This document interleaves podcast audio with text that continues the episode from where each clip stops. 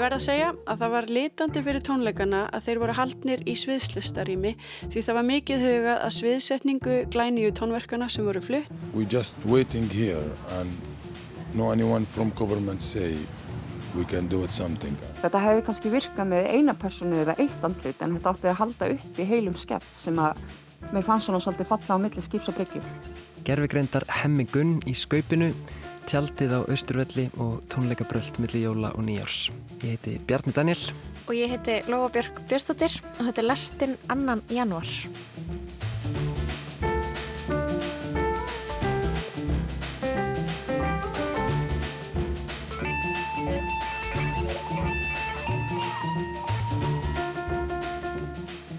Fyrsti lestarþáttur ársins 2024 og í dag eru við tvö, Bjarni Daniel, svona fyrsti almennilegi lestarþátturinn þar sem þú ert formulega tekin við af Kristjánu Guðanssoni sem er í fæðingarólufi. Mm -hmm. Hvernig var fyrsti dagurinn? Sko, já, ymmit, þetta er búin að vera, búin að vera æ, sko, æsi spennandi dagur eiginlega, hérna, Já, ég, ég veit ekki á að byrja. Um, það var gott að fá uppbytun þarna fyrir jól. Mér líður eins og ég kom með einhvern veginn uh, sjálfsörgari inn fyrir vikið. En ég held að það bara gengið vel, ég veit ekki. Ég er búin að eiga fínan dag. Ok, gott að heyra uh, að þetta hafi verið ágætt. Um, en já, fyrsti lestaþátturinn á þessu ári, hann hefst á fyrstu menningar átökum ársins en þau snúa yðurlega að áramótasköpinu.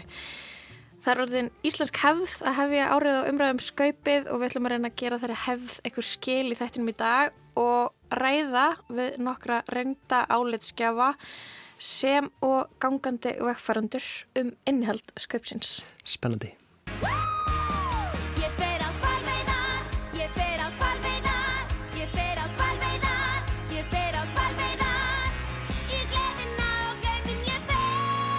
Sko ég var ekkert sérstaklega hrifin að því þetta árið og uh, fór svolítið að velta fyrir mér þessari mælistyku sem við setjum á skaupið og það er kannski bara þetta, er almenn sátt um skaupið, er, er svona, eru flestir á Íslandi ánæðir með skaupið?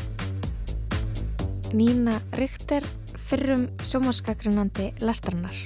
Svo er það kannski líka ferskleikin sem við erum alltaf að leita, það er þessi nýja nálgun á, á málinn og hún krefstist líka að fólk sér ósala vel inn í málinum að, að handreitsefundar hafi virkilega farið og kafað ofan í eðli málsins og sé með einhverja nýja og ferska nálgun sem er líka fersk fyrir þá sem eru að uh, vinna í þessum málum eða þekkja þessi mál ósala vel.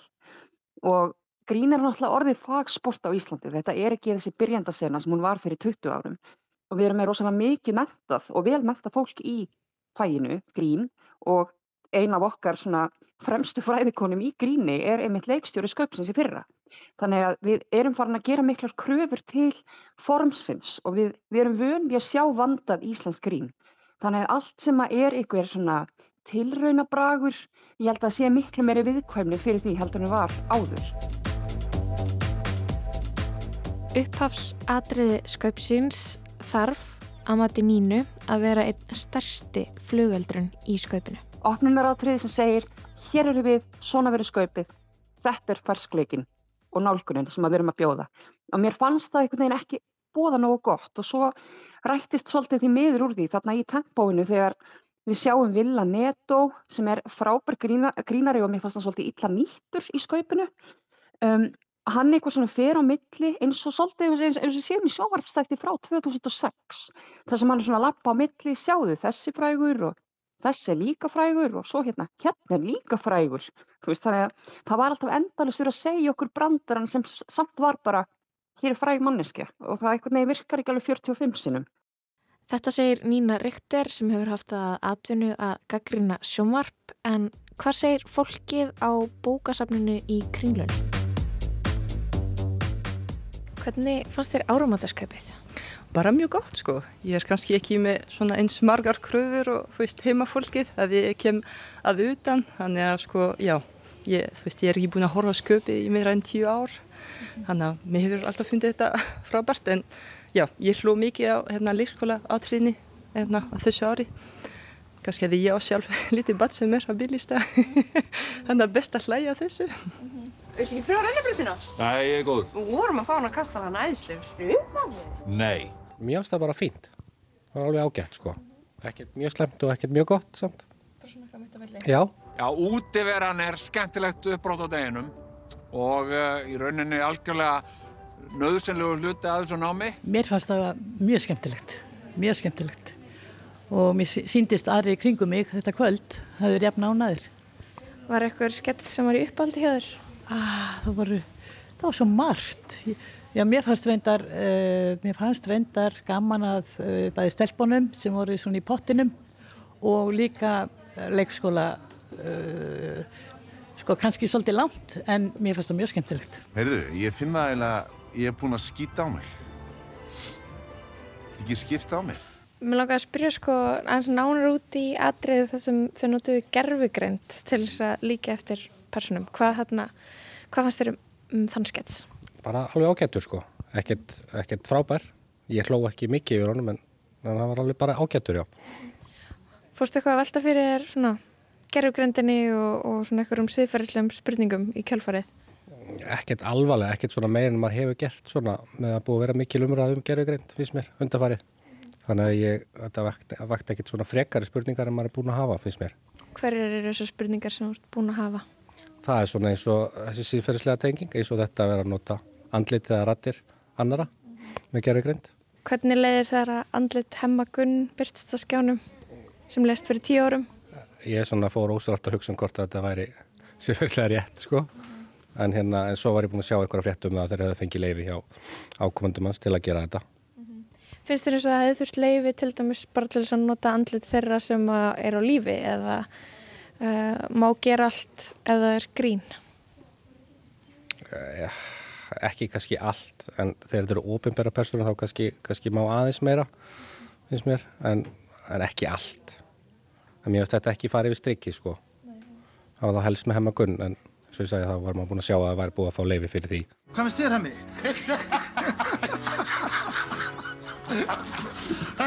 Jú, rétt eins og 2024 mun verðastrákir. En kæru Íslandíkar, muni bara, verið hress, ekkert stress, bless, bless.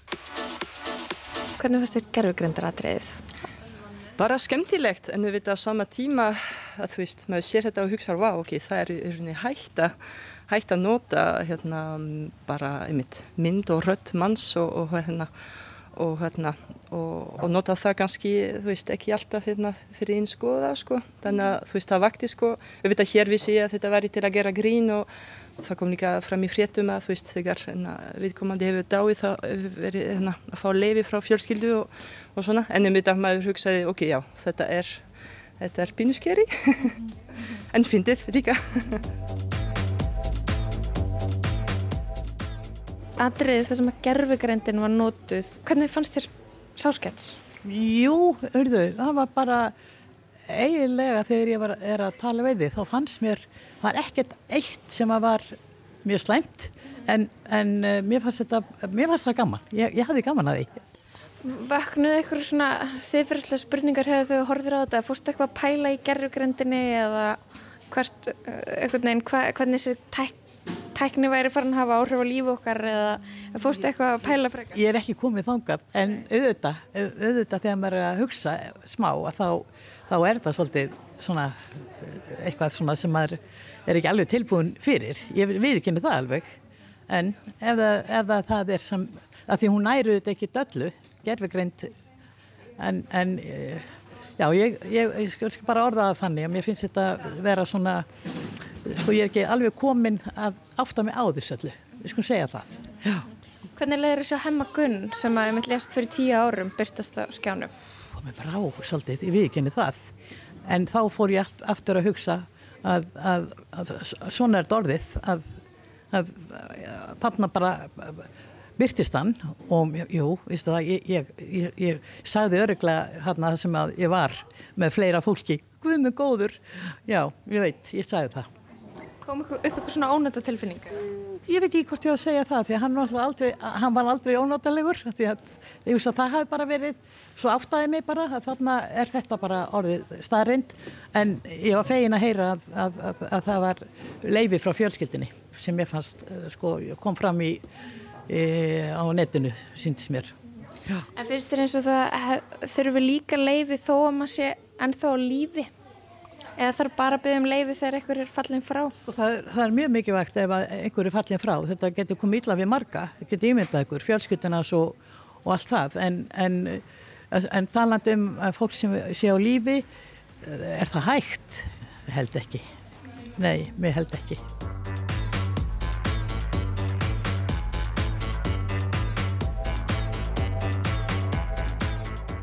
Það var ágætlega almenn ánægja í þessu litla úrtaki á bókasafninu í kringlunni. En í gær rakst ég á Pistil. Jón Trösti Reynisson, blaðamæður, skrifaði um skaupið í gær og byrti á heimildinni. Og þar sagði hann meðal annars um atriði þar sem að Vili Netto var í partíi með frægafólkinu. Eins og menningarlega landslægið verði stundum líkt landslæginu í landinu sjálfu, gróðursnöðu hálendinu með einstaka rofa börðum sem nöguðir af söðfje, smáríkja kendin nær hámarki þegar sínilegi hópurinn þrengist og eftir því sem verleikarnir liggja meira í því að hafa farið í rektina og ljós og eiga peninga á vini. Þegar þetta verður eins og skólaleikrið sem fjallar um vinsalastu krakkana í árganginum og er skrifað af þeim og leikið af þeim. Það fyrsta sem við gerum þegar við mætum í bústæðan, þá er það kampæn. Champagne time! Svo vorum við að fara að poppa champagneið og það var bara næstu búið að poppa inni á alla spýtunar. Ég sló á þráðinn til Áskirs Ingólfssonar, menningablaðamanns, sem heldur úti vefnum smikl.is. Hvernig fannst þér skaupið, Áskir? Uh, mér fannst það lélegt en aðalega kannski skrítið og óhugnarlegt. Um, það var vissulega eitt atrið sem er bara með betri atriðum í skaupinu, þegar ekki bara þessu, heldur öllum skaupum, en að leikskóla atrið. Uh, og það var bara kannski, það var svo frábært atrið út af því að hérna, hérna var bara landsliði í gríni og þú veist, þetta er fólk sem að fær mann til að hræja yfir engu sko, bara augna tillit og svo framvegis. En það sem ég fannst sko óþægilegt, bara vel óþægilegt, var tvennt. Það var annars vegar sem að sko, til að David Roth sjá ykkur og hérna Jón Trist og heimildina hafa til dæmis alveg skrifað pislum að hérna, og ég er raunar eitthvað sjálfur líka uh, áður fyrr, að hérna það er svona frægðarvæðing sköpsins, að hérna skaupið er fyrir fræga og ríka fólkið og suma sem verður frægur ríkir á eigin verlegum en líka hreinlega listamenn sem að sko eh, ekki nóg með að þeir eru af ríkum ættum heldur hreinlega voru kannski foreldrar sem að hérna bókstala borguðu fyrir tækifærin komið þeim inn í stúdíu og geftu þess vegna sko skemmtistæði fyrir þá og svo framvegis. Og þessi veruleiki hún með bókstala hampað í sköpinu Mm, einmitt. Svo varstu að, að skrifa um á Facebook þarna Mhm. atri, atrið það sem að gerðugrindin er notuð. Um, og mér langaði svolítið að spyrja út í það hvernig fannst þér, veist hvernig fannst þér það koma út? Hvað hva fórstu að hverju fórstu að velta fyrir svona í kjálfarið á, á, á því atriði Sko það sem ég fór að velta fyrir mér var ná bara svona hérna að núna er bara vísindaskálskapur sem ég pínu verið að hérna stúdera orðin eða svona við erum við, hann er við það að verða raunveruleiki. Það eru auðvitað ennþá takkmörgu tæknu og allt það en hérna bara sérstaklega þegar að Herman Gunnarsson kemur og það kemur í svolítið hans persónu kannski ekki sérstaklega við, það kemur bara því við að hann er látin og mér er alveg sama þó að hérna ættingir hans séu hérna sáttir við þetta vegna þess einfallega að líka í dauðanum að það er alveg sjálfsagt að bara þú veist þegar maður deyr auðvitað þá erfir fólk búslóðinamanns og peninganamanns og allt það en það á ekki að erfa líkamanns að líkami látins fólks á að vera heilagur. Það getur eitthvað leikið hamagun og það getur eitthvað sko spilað gammar klippur okkar hamagun, það er sjálfsagt. En ef eitthvað bókstaflega sko í rauninni með hjálp tækninar uh, eða bara galdrar fram sko draug af hamagun og lætur hann gera eitthvað tjandan í ármannsköpunni, það er bara rámt. En af hverju er það óþægilegt og af hverju er það rámt? Já, sko það er kannski aðra rámt út af því að hérna auðvitað er þetta, þú veist, eins og einhver hafa sagt, bara svona saklega skets hjá hérna steinda og þetta blöð. Og hann er það vissulega svona við fyrstu sín. En þetta er kannski bara fyrsta skrefið. Að hérna, kannski er þú veist áramöndu skaupið eftir fimm ár. Þá kannski er bara hemmi Gunnláttinn segja eitthvað sko, eitthvað ógeðslegt. Bara eitthvað, þú veist, hemmi Gunn bara láttinn ljóma svo Hitler eða maður þetta hvað sko. Og hérna, og við erum í rauninni sko, þú veist, það sem ég gera kannski skaupinu og auðvitað aðrir hafa gert líka er það að vera að opna ákveðið Pandora-bóks sem að er bara mjög mikilvægt að allavega koma einhverjum sko lögum yfir. Þannig að hérna fólk allavega sé ekki að misnota það og hérna og sko það er eiginlega bara svona bara fyrir alla sem vilja svona bara byrja almennilega að bara pæla í þessum hlutum þá er það gömul svona vísindaskálsaga eða bíómynd sem er svo byggða 50 ára gamli bók sem heitir The Congress. Og það er eiginlega bara eitthvað sem var vísindaskálskapu fyrir 10 árum og svo í talgjum fyrir 50 árum en er bara orðin raunveruleik í dag. Og þar er sem sagt Robin Wright leikona sem var í Princess Bride og hérna House of Cards. Og hún svona leikur útgáfa sjálfur sér uh, ekki svona.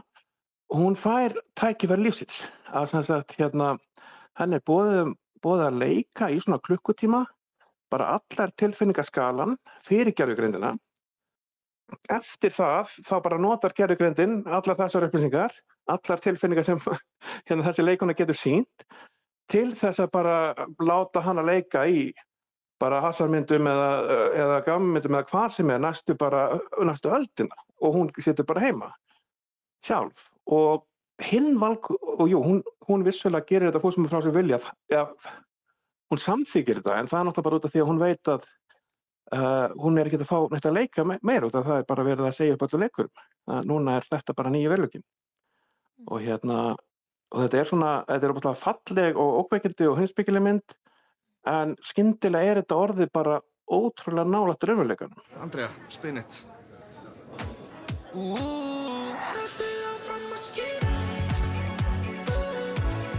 Hvaða? Glæsileg. Villi sæti. Þessi, hvað segir þið? Þessi íbúð, hún er bæði brilljant og lekker. Já, varst mér að hitta vini mína? Já. Kaupa á Lindu P. Yes. Komið. Skála. Erum að skál. Skála. Þú fer varlega samt, mannstu síðast. Og það var líka svona eins og framlag fræga fólksins var eiginlega ekkert. Og ég, ég fann þetta líka með þetta uh, gerfigreindaratriði þarna sem að fór mikið fyrir og hefur verið svolítið umrætt, uh, um. Um, að þa þarna var sko brandarinn í AI gríninu var bara sá að það væri verið að nota þessa tækni og svo var hann sagður aftur og aftur. Þetta hefði kannski virkað með eina personu eða eitt andlit en þetta átti að halda upp í heilum skett sem að mér fannst svona svolítið falla á milli skips og bryggju. Ég gat en búi Ágústsson Hlustað á syngja wow. Hér er fullt af fólk að skemmta sér Þér er bóði líka. Já. Ég setti gerfegrandarsketsin í skaupinu í samhengi við gegnum gangandi stef sem var grín fortíðarinnar. Það var hraðfréttaskets með eldfjallafræðingunum enda leikstjórn og handrit meðal annars í höndum þeirra Benedikts Valssonar og Fannars Sveinssonar hraðfréttamanna. Og svo voru fóstbræður allir samankomnir í leikskóla sketsinum og svo var steindin okkar blær yfir gerfugrindaskettsinum og það var mér þess að gerð aðtöðasemd í sketsinum sjálfum. Er ekki langt síðan Sigmundur Davíð var að borða hakk. Jú, en það er samt fyndið helt steindi fram. Og er það ekki ymmit ein af afleðingum gerfugrendarinnar, atbyrðir og personur fortíðarinnar öðlast kannski nýtt samhengi en við höfum kannski tilneyingu til þess að endurtaka fortíðina í sífellu. Algjörlega og það gerir því rauninni fyrir gerðugreindina bara þegar að sko þú ert með allar bíómyndir á uh, einhverjar er á Netflix og aðrar getur þú downloadað á Pirate Bay eitthvað svo leiði sko og þá er þetta fyrir einhverja, einhverja hugsa bara til hvers að gera nýja bíómyndir með, það eru 5.000 bíómyndirna eða 10.000 eða 100.000 bíómyndir sem ég á eftir að horfa hvort það er Nákvæmlega. og hérna og eins með bæ- bækur og tónlist og allt það sko hérna, að, hérna það, það er meiri sér sko þannig að sko uh, einhver, ég var að heyra í einhverjum tónlistaspekulandum einhvern tíðan um þetta og þeir sögðu þeir inni sko ný tónlist hefur aldrei verið minna vinsal skilur mig. Að hérna sko fólk er alveg að hlusta tónlist ekkert síður en í gamla dag en bara þú veist ný tónlist sem að þú veist bara þegar ég var krakki og unlingur þú veist þá var bara fólk var allan enna þessari gamle tónlist það var allt, síðast alltaf nýja tónlistina hversu góð eða léli sem hún var. En núna er bara þú veist æ, þessi nýja tónlist ég meina til hvers þegar við eigum hérna, hérna eigum þennan harða disk eitthvað neginn sko sem að þurfum við eitthvað meira? Mm -hmm. Og og, og það er náttúrulega bara náttúrulega, það, þeir bökkuðu með það í bíli en þeir ættu að láta James Dean leika í bíómynd. Og fyrir nokkrum árum og James Dean er náttúrulega búin að vera dáin í 60 ár og þetta er vissulega gert með innan gæðsalapa leifi fjölskyldunar en sko eini erfingi James Dean var pappan sem hann talaði ekki við. Þannig að sko það er bara gott dæmi um það að hérna það að ættingir leggji blessun sína yfir eitthvað eh, stundum eru ættingjar alveg bara frábærir hérna í því að, í því að hérna varðveita minningu forfæðina en stundum er þetta bara eitthvað í fjárskild fólk út í bæ sem að er ekkert betri en bara ég og þú í að, þú veist, ég, meina, ég og þú varum alveg jafn góði að varðveita minningu James Dean og þessi hérna uh, barna, barn, pappan sem að hann tala ekki við, skilur við.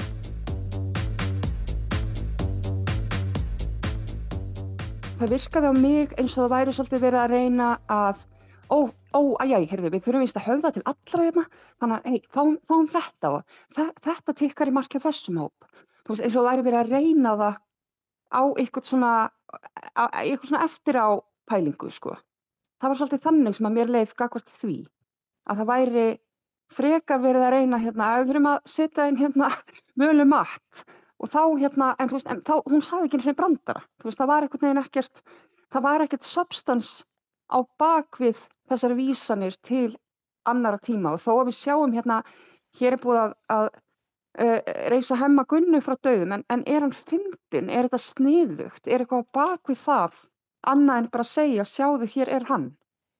Það er það sem að mér fannst svo vanta. Þetta nám snýst náttúrulega aðalöfum félagskapin. Heyrðu, sko. Þetta er kona mín, Nákvæmlega. sem fyrir barnaböndin sko. Flott. Og þetta líka, ekkert smá fín. Hvað finnst þetta flott? Býtu hvað? Þetta er mjög vel gert. Þetta er mjög vel. Er, veistu hvað það? Nú, núna langar mér bara að rífa myndina mína því að hún er ekki eins flott. Sérðu, mér finnst hún mjög flott. Ég ætla bara að rífa hana. Nú sé ég eftir að hafa að rífa hana. Og ég veit að ég á eftir að halda sambandi við alla þessa krakka lungu eftir að við erum útskrifuð, sko. Ég er búinn, Lína!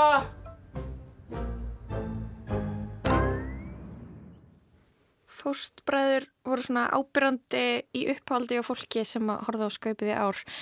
En við rættum líka svolítið mikið um gerfugreindasketsin í skaupinu. Það sem að kom kannski ekki fram og var ekki sagt í þessari um, umfjöllun. Þannig að var, sko, eð, mér fannst allavega gerfugreindarsketsin, það sem var eiginlega líka svolítið svona lélegt við hann var hvað gerfugreindin var ótrúverðu, hvað þetta var eða þú veist hvað Einmitt, hérna, hérna djúb fölsunin svo kallega á and, andlindunum á, á Já, þessum hún var ekki það djúp. Nei, ekki, ekki mjög djúb Það var grunnfölsun Já, ég, já, þetta var grunnfölsun. Það var allavega, já, það var svona hreyf mig ekki, sko, þannig að ég hugsaði hm, það er hægt að gera þetta miklu betur. Okkur fóru ekki bara alla leið Einmitt. Mér var samt sko að það var fólk allavega í mínu áramótabúði sem var sko, svolítið slegið yfir þessu, hafði kannski ekki séð þessa tækni einhvern veginn byrtast á, á sínum sjónvarpskjám áður, fólk sem er kannski ekki mikið á TikTok. Einmitt. Um, en TikTok kynsluðan vönu sig og vönu sjá þetta kannski miklu raunverulegra Einmitt, geti verið. En næst ætlum við að huga tónlist. Katrín Helga Ólafsdóttir kíkti á þrenna tónleika millir jól og nýjárs í tómaríminu í Skerjafyrði, Landakotskirkju og uh, á Gauknum. Síðastliðin fymtudag, þann 28. desember, fór ég á stúfana. Ég fór á þrenna tónleika við svegar um Reykjavík. Þeir voru mjög ólíkir en á öllum þessum tónleikum mátti heyra frumflutning af nýri íslenskri tónlist. Ég var svo heppin að fá að láni stóra bílinn hans föður minns og ég komst í gegnum snjóin og kerði í Skerjafjörð. Það var ekki laust við að ég fyndi fyrir smá nostalgíu þegar ég kerði fram hjá Reykjavíku flugvelli en þessa leið fór ég mjög oft áður fyrir þegar ég fór á æfingar eða viðburði í pósthúsinu. En það var tónleikastæður á vegum póstreifingar sem er nú búið að loka sem viðburðarými en er nú vinnu aðstæða nokkura myndlistamanna. En leið mín lá ekki þangað heldur í tómarýmið sem er staðsett við hliðin á gamla pósthúsinu. Fyrir þau sem ekki vita hvað tómarýmið er, þá er það grasarótar sviðslistarými, helst notað fyrir æfingar, en þarna hafa líka farið fram allskynns tilraunakvöld og núna voru þar tónleikar. Til að komast inn í rýmið þarf að toga upp gamla bílskúrshörð sem hefur verið málusvört eins og allt annað inni í rýminu. Það var nánast fullt, setið í um 40 sætum, þessi tónleikar byrjuðu klukkan 6 um kvöld og báru yfir skriftina Pípumessa.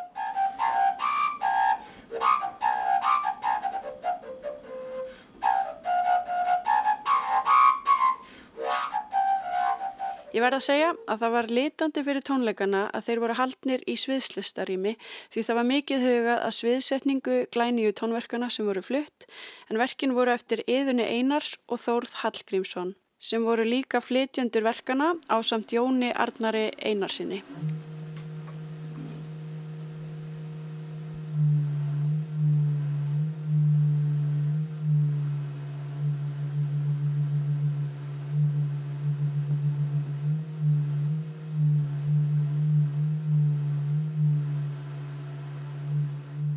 Fókustónleikana var eins og yfirskrift þeirra sæði pípur eða ílaung rör sem myndar hljóð þegar lofti er hleyft í gegnum þau og þarna voru allskynns pípur. Í miðjuríminu var búið að koma fyrir tegnarlegri orgelpípu sem var blásun upp af einskunar yðnaða riksugu. Orgelpípan var vist gós úr góða hirðinum og frekar í baksaga hennar ekki vituð.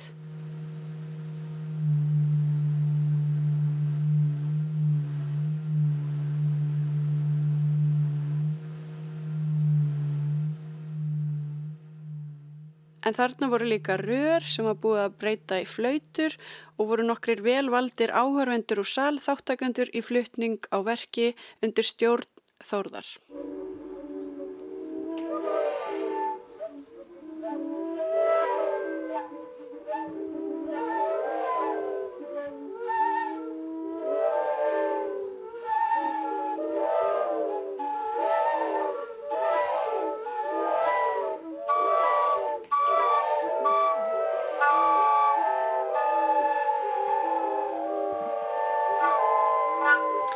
Það sem einkendi tónleikana var ansókn á áferð hljóða sem geta komið úr allskynns pípum og rými en verkin voru flutt á mismundi stöðum í rýminu. Einni var ákveðin léttleiki áberandi og þó að flytjendur hafi klæðst svertu og tekið þessu alvarlega var létti við öllu og stutt í hlátur hjá áhörvendum. Ákveðin mynd sem ég hef í hausnum eftir tónleikana er úr básunuverki þar sem Jón Arnar Einarsson, flytjandi, bles upp blöðru með hljóðferði sínu sagt básunu. En einni var nokkuð um að búið væri að eiga við klassísk hljóðfæri. Það var búið að breyta blástus hljóðfærum með garðslöngum svo hljóðið dreifðist víða um rýmið og breytist við að fara í gegnum þessar löngu pípur.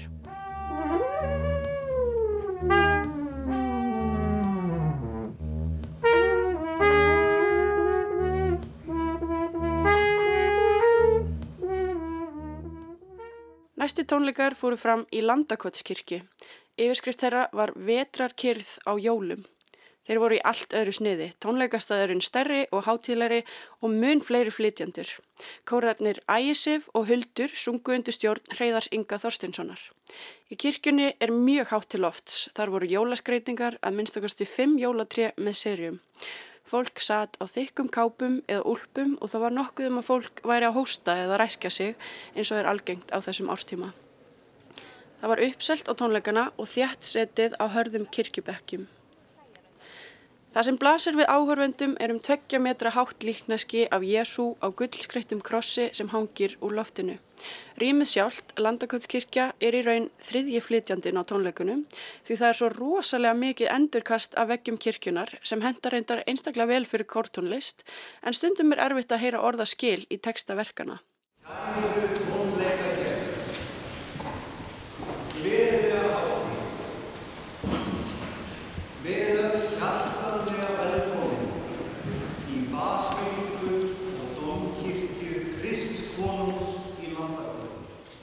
Efniskráni er þó hægt að lesa örlítið um verkin og þýðingu á tekstum þeirra. Þau sem eru ekki á íslensku er á latinu, eistnesku og rúsnesku.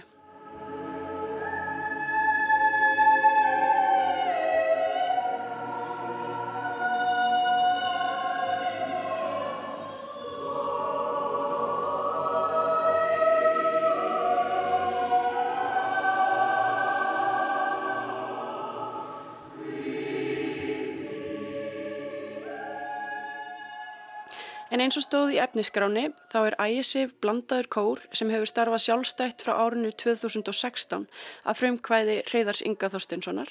Hugmyndin með stopnun kórsins var að skapa vettvang fyrir töfra austur-evrópskar og rúsneskrar kórtónlistar sem og tónskáld frá Eistrasaltslöndunum. En Reyðaringi namn tónsmiðar og kórstjórn í Finnlandi og Íslandi. Og Huldur er annar kór skipaður 29 ungmennum sem steg fyrst á kórpallana haustu 2021. Nafnkostur kórsins er Huldurinn sem djúft í hafi knýr öldurnar fram með langspili sínu, leikt og segir í ljóði Gríms Tomsen eða Saumar sólar gull í vastrópa fossins, líkt og í ljóði Hannesar Péturssonar. Það var svo sannarlega vetrarkyrð yfir þessum fallegu tónleikum og helst gaman að heyra frumflutning á tveim íslenskum kórverkum. En það var verkið Jól eftir Hreyðar Inga sjálfan sem stjórnaði tónleikunum við texta eftir Mattias Jokkumsson.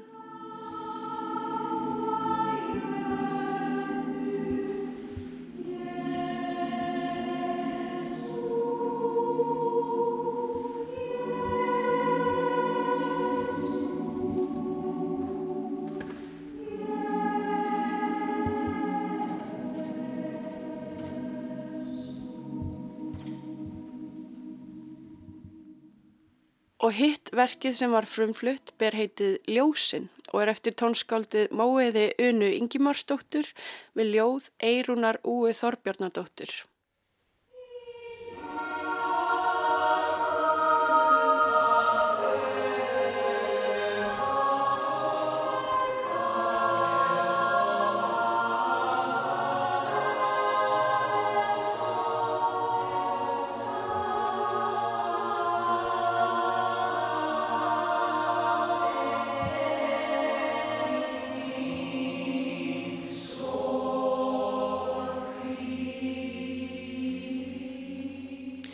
Þriðji hápunktur tónleikana var svo að heyra verkið Duo Serafím sem er samið á 16. öld, sungið af báðum kórunum frá sittkorum enda kirkjunar.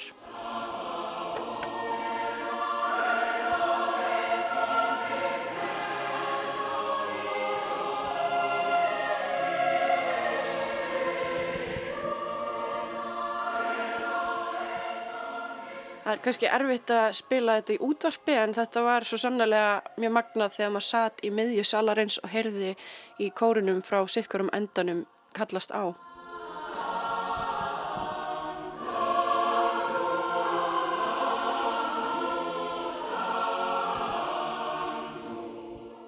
En næst röldi ég niður tungautina fram hjá upplýstu skautasvelli á Ingólstorki og þegar ég kom á gaugin þurfti ég að hrista duglega af mér snjóin sem hefði fest á trefli og húfi. En ég var mætt á tónleika Rask nr. 7 sem héttu Kickstart the New Year.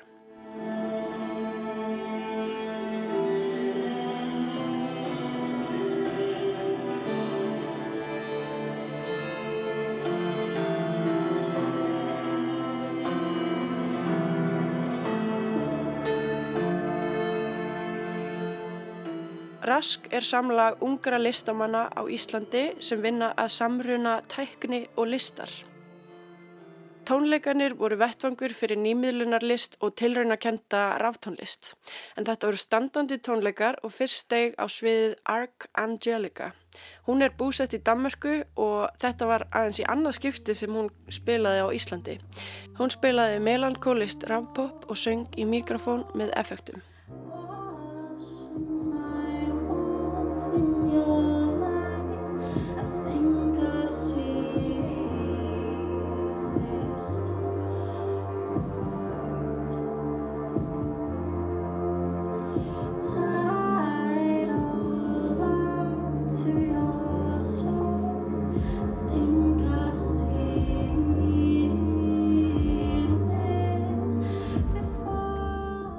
Því næst steg Ronja á svið. Hún frumflytti verk sitt Catalytic Dissipator.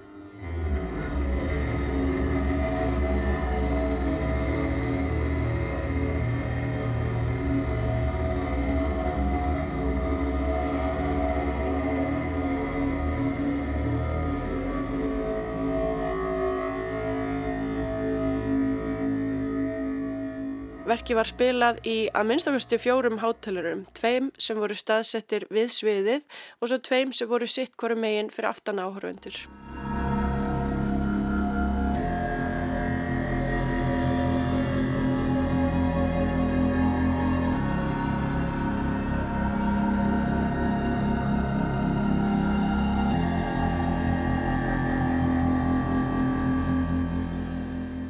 Því næst steg Lil Data á svið sem prógramuraði tónlistina live. Hann er þekktur fyrir að vera viðriðin útgáfi fyrirtækið PC Music og að vera partur af Intelligent Instrument Lab.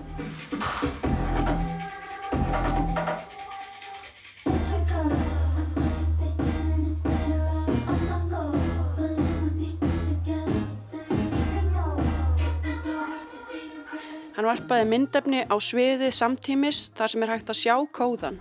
Orkumikil danstónlist sem breyttist í sífællu með lögum spiluðum hratt undir. Hann drakk orkudrykki á sviðinu og dansaði taktfast með tónlistinni en leit varla upp af tölvuskjánum en það mikið að gera hjá hann að forrita tónlistina.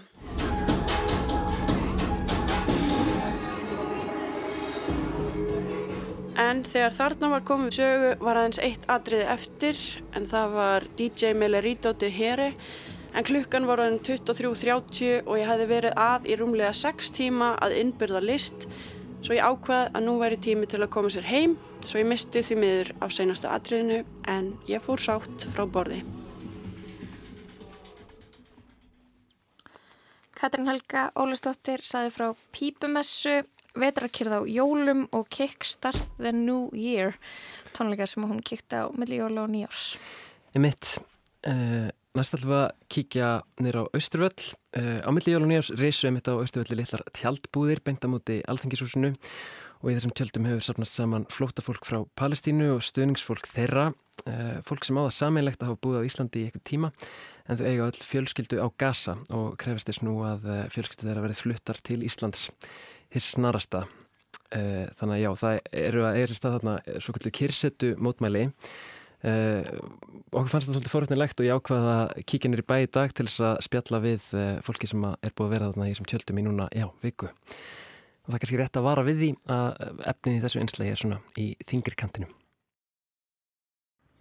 Ég sitt á bekk hér við Östurvöll um, og við mér blasir já, jólatré og svellbungar á öllum grasbölunum hér uh, á torkinu uh, við hlið jólatrésins Osloartrésins uh, sem að tendrað í desember er stort hvít tjald og tjaldið skreita fánar, grænir, hvítir, svartir og rauðir palestinskir fánar. Hér er hópur flótafólks frá Palestínu haldið sig undanfarnar daga og já, mótmælið því hvað tekur langan tíma að fá í gegn fjöl, fjölskyldu saminningu til að kíkja inn í tjaldið og taka eins stöðuna á fólkinu sem þar situr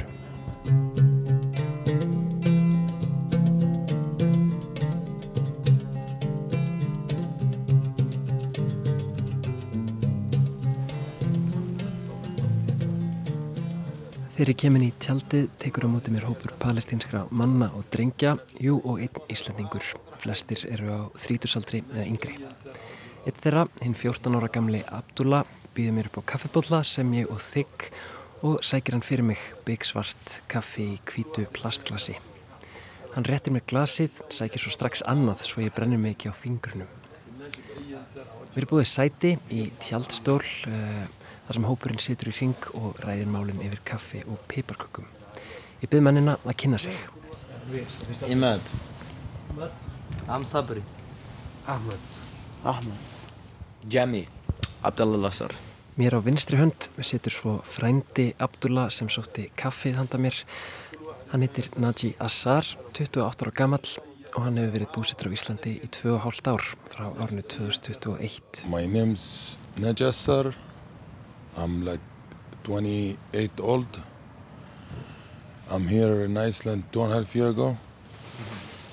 And uh, I'm here standing in this tunnel about support with my, my people, Palestinian.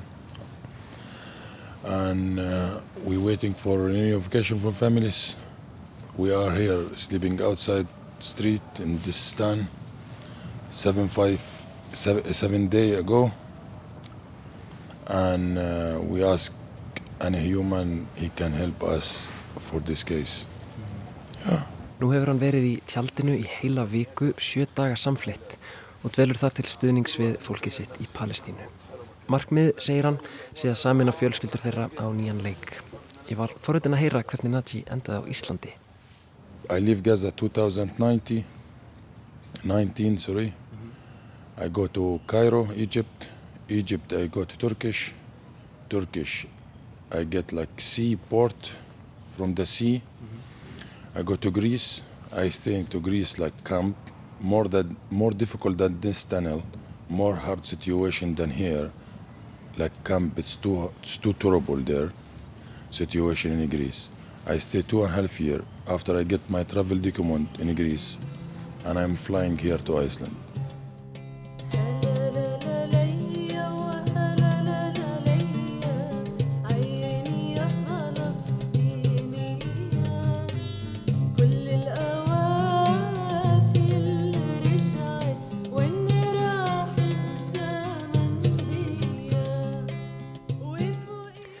2019 fór Naji frá Gaza til Egiptalands, næst til Tyrklands og þaðan sjóleiðist til Greiklands þar sem hann bjó í tjaldi í flóttamannabúðum við aðstæður sem hann segir miklu erfiðari en það sem hann horfir upp á nú í ísköldu tjaldi á Östurvelli. Þá svo árið 2021 sem hann flög til Íslands en hvernig hefur það verið að eða undanförnum dögum hér í þessum tjaldbúðum? You know, it's, it's hard a question. It's Iceland. It's too cold, freezing, tired too much. I'm not sleeping well. I'm uh, most of the time I'm afraid because like yesterday the night I'm have someone like religious guy he coming and he crush like my tan when I'm sleeping and he annoying and he hit me but we calling the police and take him. And today in the morning someone also he coming like resist he hit us and he talking shit with us and yeah it's not too e- it's, it's not easy to sit in the street or sleeping in the street.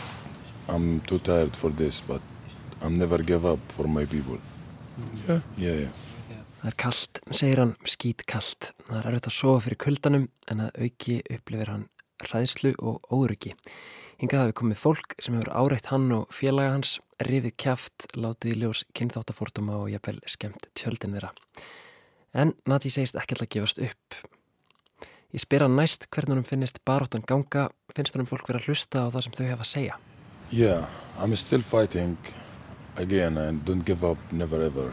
If me I'm die here, it's okay because we're waiting like 150 people to come to Iceland. If me I'm dead and these people coming, that's okay. And uh, what could name?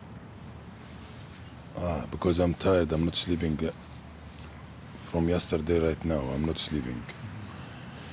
And not anybody right now talk to us for government or something like this. Not anyone come and say hi or how are you, how are you feeling, or something moving.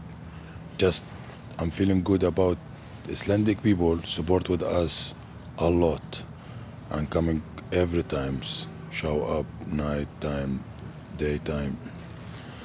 Yeah, just I'm happy for this for Icelandic people support with us like power support with us. And I have to say thank you for everyone who support with us. We'll never give up. We'll never forget this.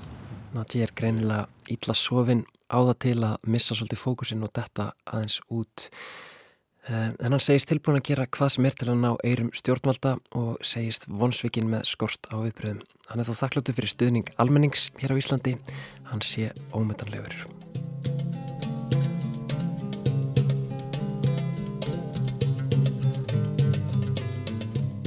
Það sem þessi mótmæli á Östurvelli ganga út á það að fjölskyldu meðlemið mótmælanda verði fluttir frá Gaza til Íslands spurði ég Nati næst hvort hann ætti fjölskyldu á Gaza Yes, I have like, uh, for me, I have three kids. I take care of them. It's not my kids. For my brothers, my sister, my cousins. One, one of them six year, one of them ten year, one of them fourteen year. These kids waiting for families like two year and a half been in Iceland waiting for reunion vacation uh, families. The balance in Gaza, everybody know what happens in Gaza. it's too dangerous situation there. Doesn't stop bombing Israeli IDF every minute, every moment.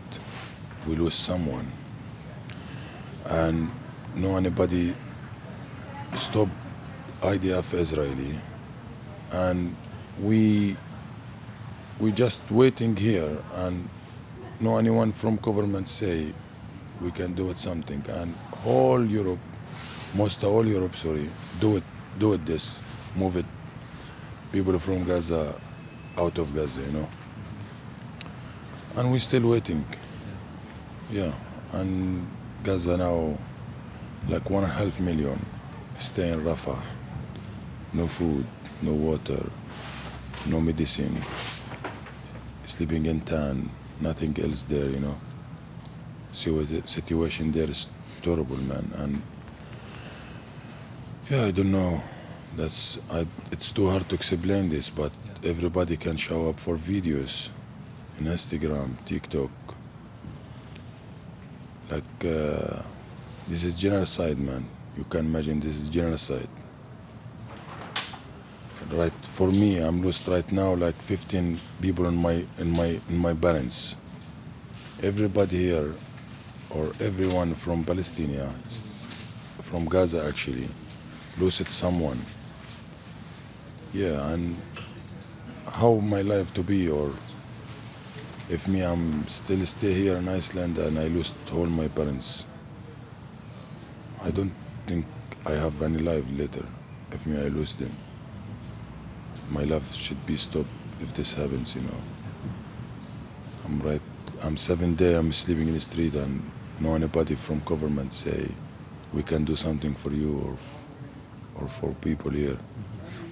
We're too tired. We're thinking a lot. We doesn't eat good. Hann er með þrjú börn á sínum snærum hér á Íslandi. Þau eru 6, 10 og 14 ára. Þetta eru börn, sískina hans og skildmenna sem enn eru á Gaza og býða þess að fá að koma til Íslands til að saminast fjölskyldum sínum. Hann talar nokkuð um hryllingin sem gengur á í borginni Rafa um þessar mundir þar sem brítiskortur er á nöðsynum á borði mat, drikjar, vatni og livjum. En hann segir það ómögulegt að lýsa þessu ástandi með orðum, besta leiðin til að skilja alvarleika málsins sé að fylgjast með á samfélagsmiðlum. Nazi hefur þegar mist 15 skildmenni í átökunum og óttast nú að missa alla fjölskyldu sína. Hann er ósátur við það hversu lengi stjórnvöld eru að breyðast við kröfunu um saminningu fjölskyldna og segist tilbúin að grípa til mjög rótækra aðgerða til að vekja aðtikla á málstanum. Yeah, I'm, I'm thinking uh, if not if not something happens, I will do something more for my people. Maybe uh, maybe I kill myself for for somebody feel me, you know, for government feel me. If if me I'm die, if me I'm die or something. Like yesterday, this guy he tried to kill me here before police came. What did the police do? He take them. He take him. Yeah, and most of the day, every, like every day, this happens. Some res- religious people coming and talking bad to us and do something like this. And what do they say when they are interacting with you? Saying like, back your back your home, Israel will win, Israel will kill you. Like this guy, he say this the morning. He say Israel will kill you. He Say bad words, too much for my mother, for my parents, for my kids, for my children. Yeah, and he crash here for my town when I'm asleep. He uh, cut at my flag, Palestinian flag. Yeah, and that's happens. Yeah, we where we go? We doesn't have uh, land. Israel is stealing my land. You know, we doesn't have land. Where we go? Okay, I'm glad to back my home. Who who like it to leave home? You know, no any humans he like it to leave home. Why we are here? We are here because like 75 year occupation, man. Not we are here for money or job. We can make money. We can make job. We can make everything in my home, but we doesn't have home. Israel is stealing my home, stealing my land, killing. 75 year killing, not just of 7 October.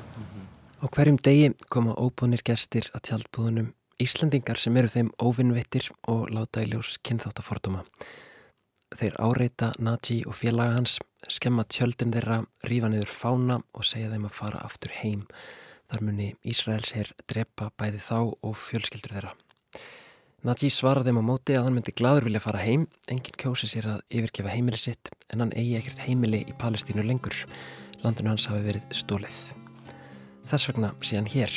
Það er afleðing 75 ára hernáms, ekki aðeins stríðsins sem hófst 7. oktober. Don't look up like, like IDF Israel is saying we are like animals. We're not. We're humans, man. We're humans. We, we're working here. We do good. My kid's going to school. I'm working. But right now, I'm, my life is stopped. I'm not working. I'm sleeping in the street. Yeah, I'm try to do something for my family, sir.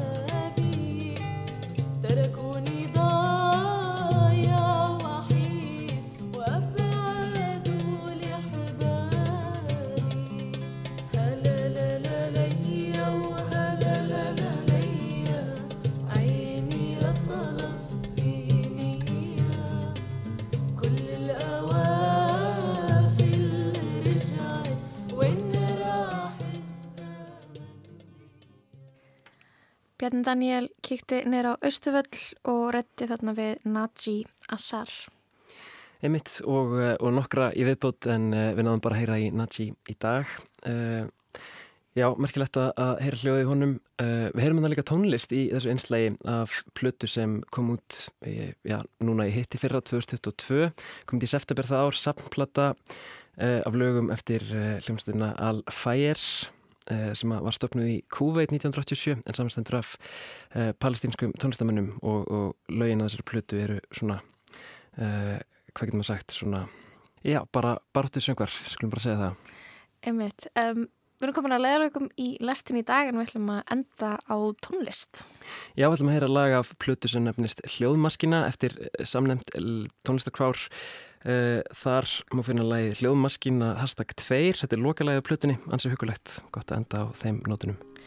Við Bjarni Daniel og Lóa þökkum samfélgina og það var hún Lítja Gretastóttir sem var tæknumar í dag. Verið sæl.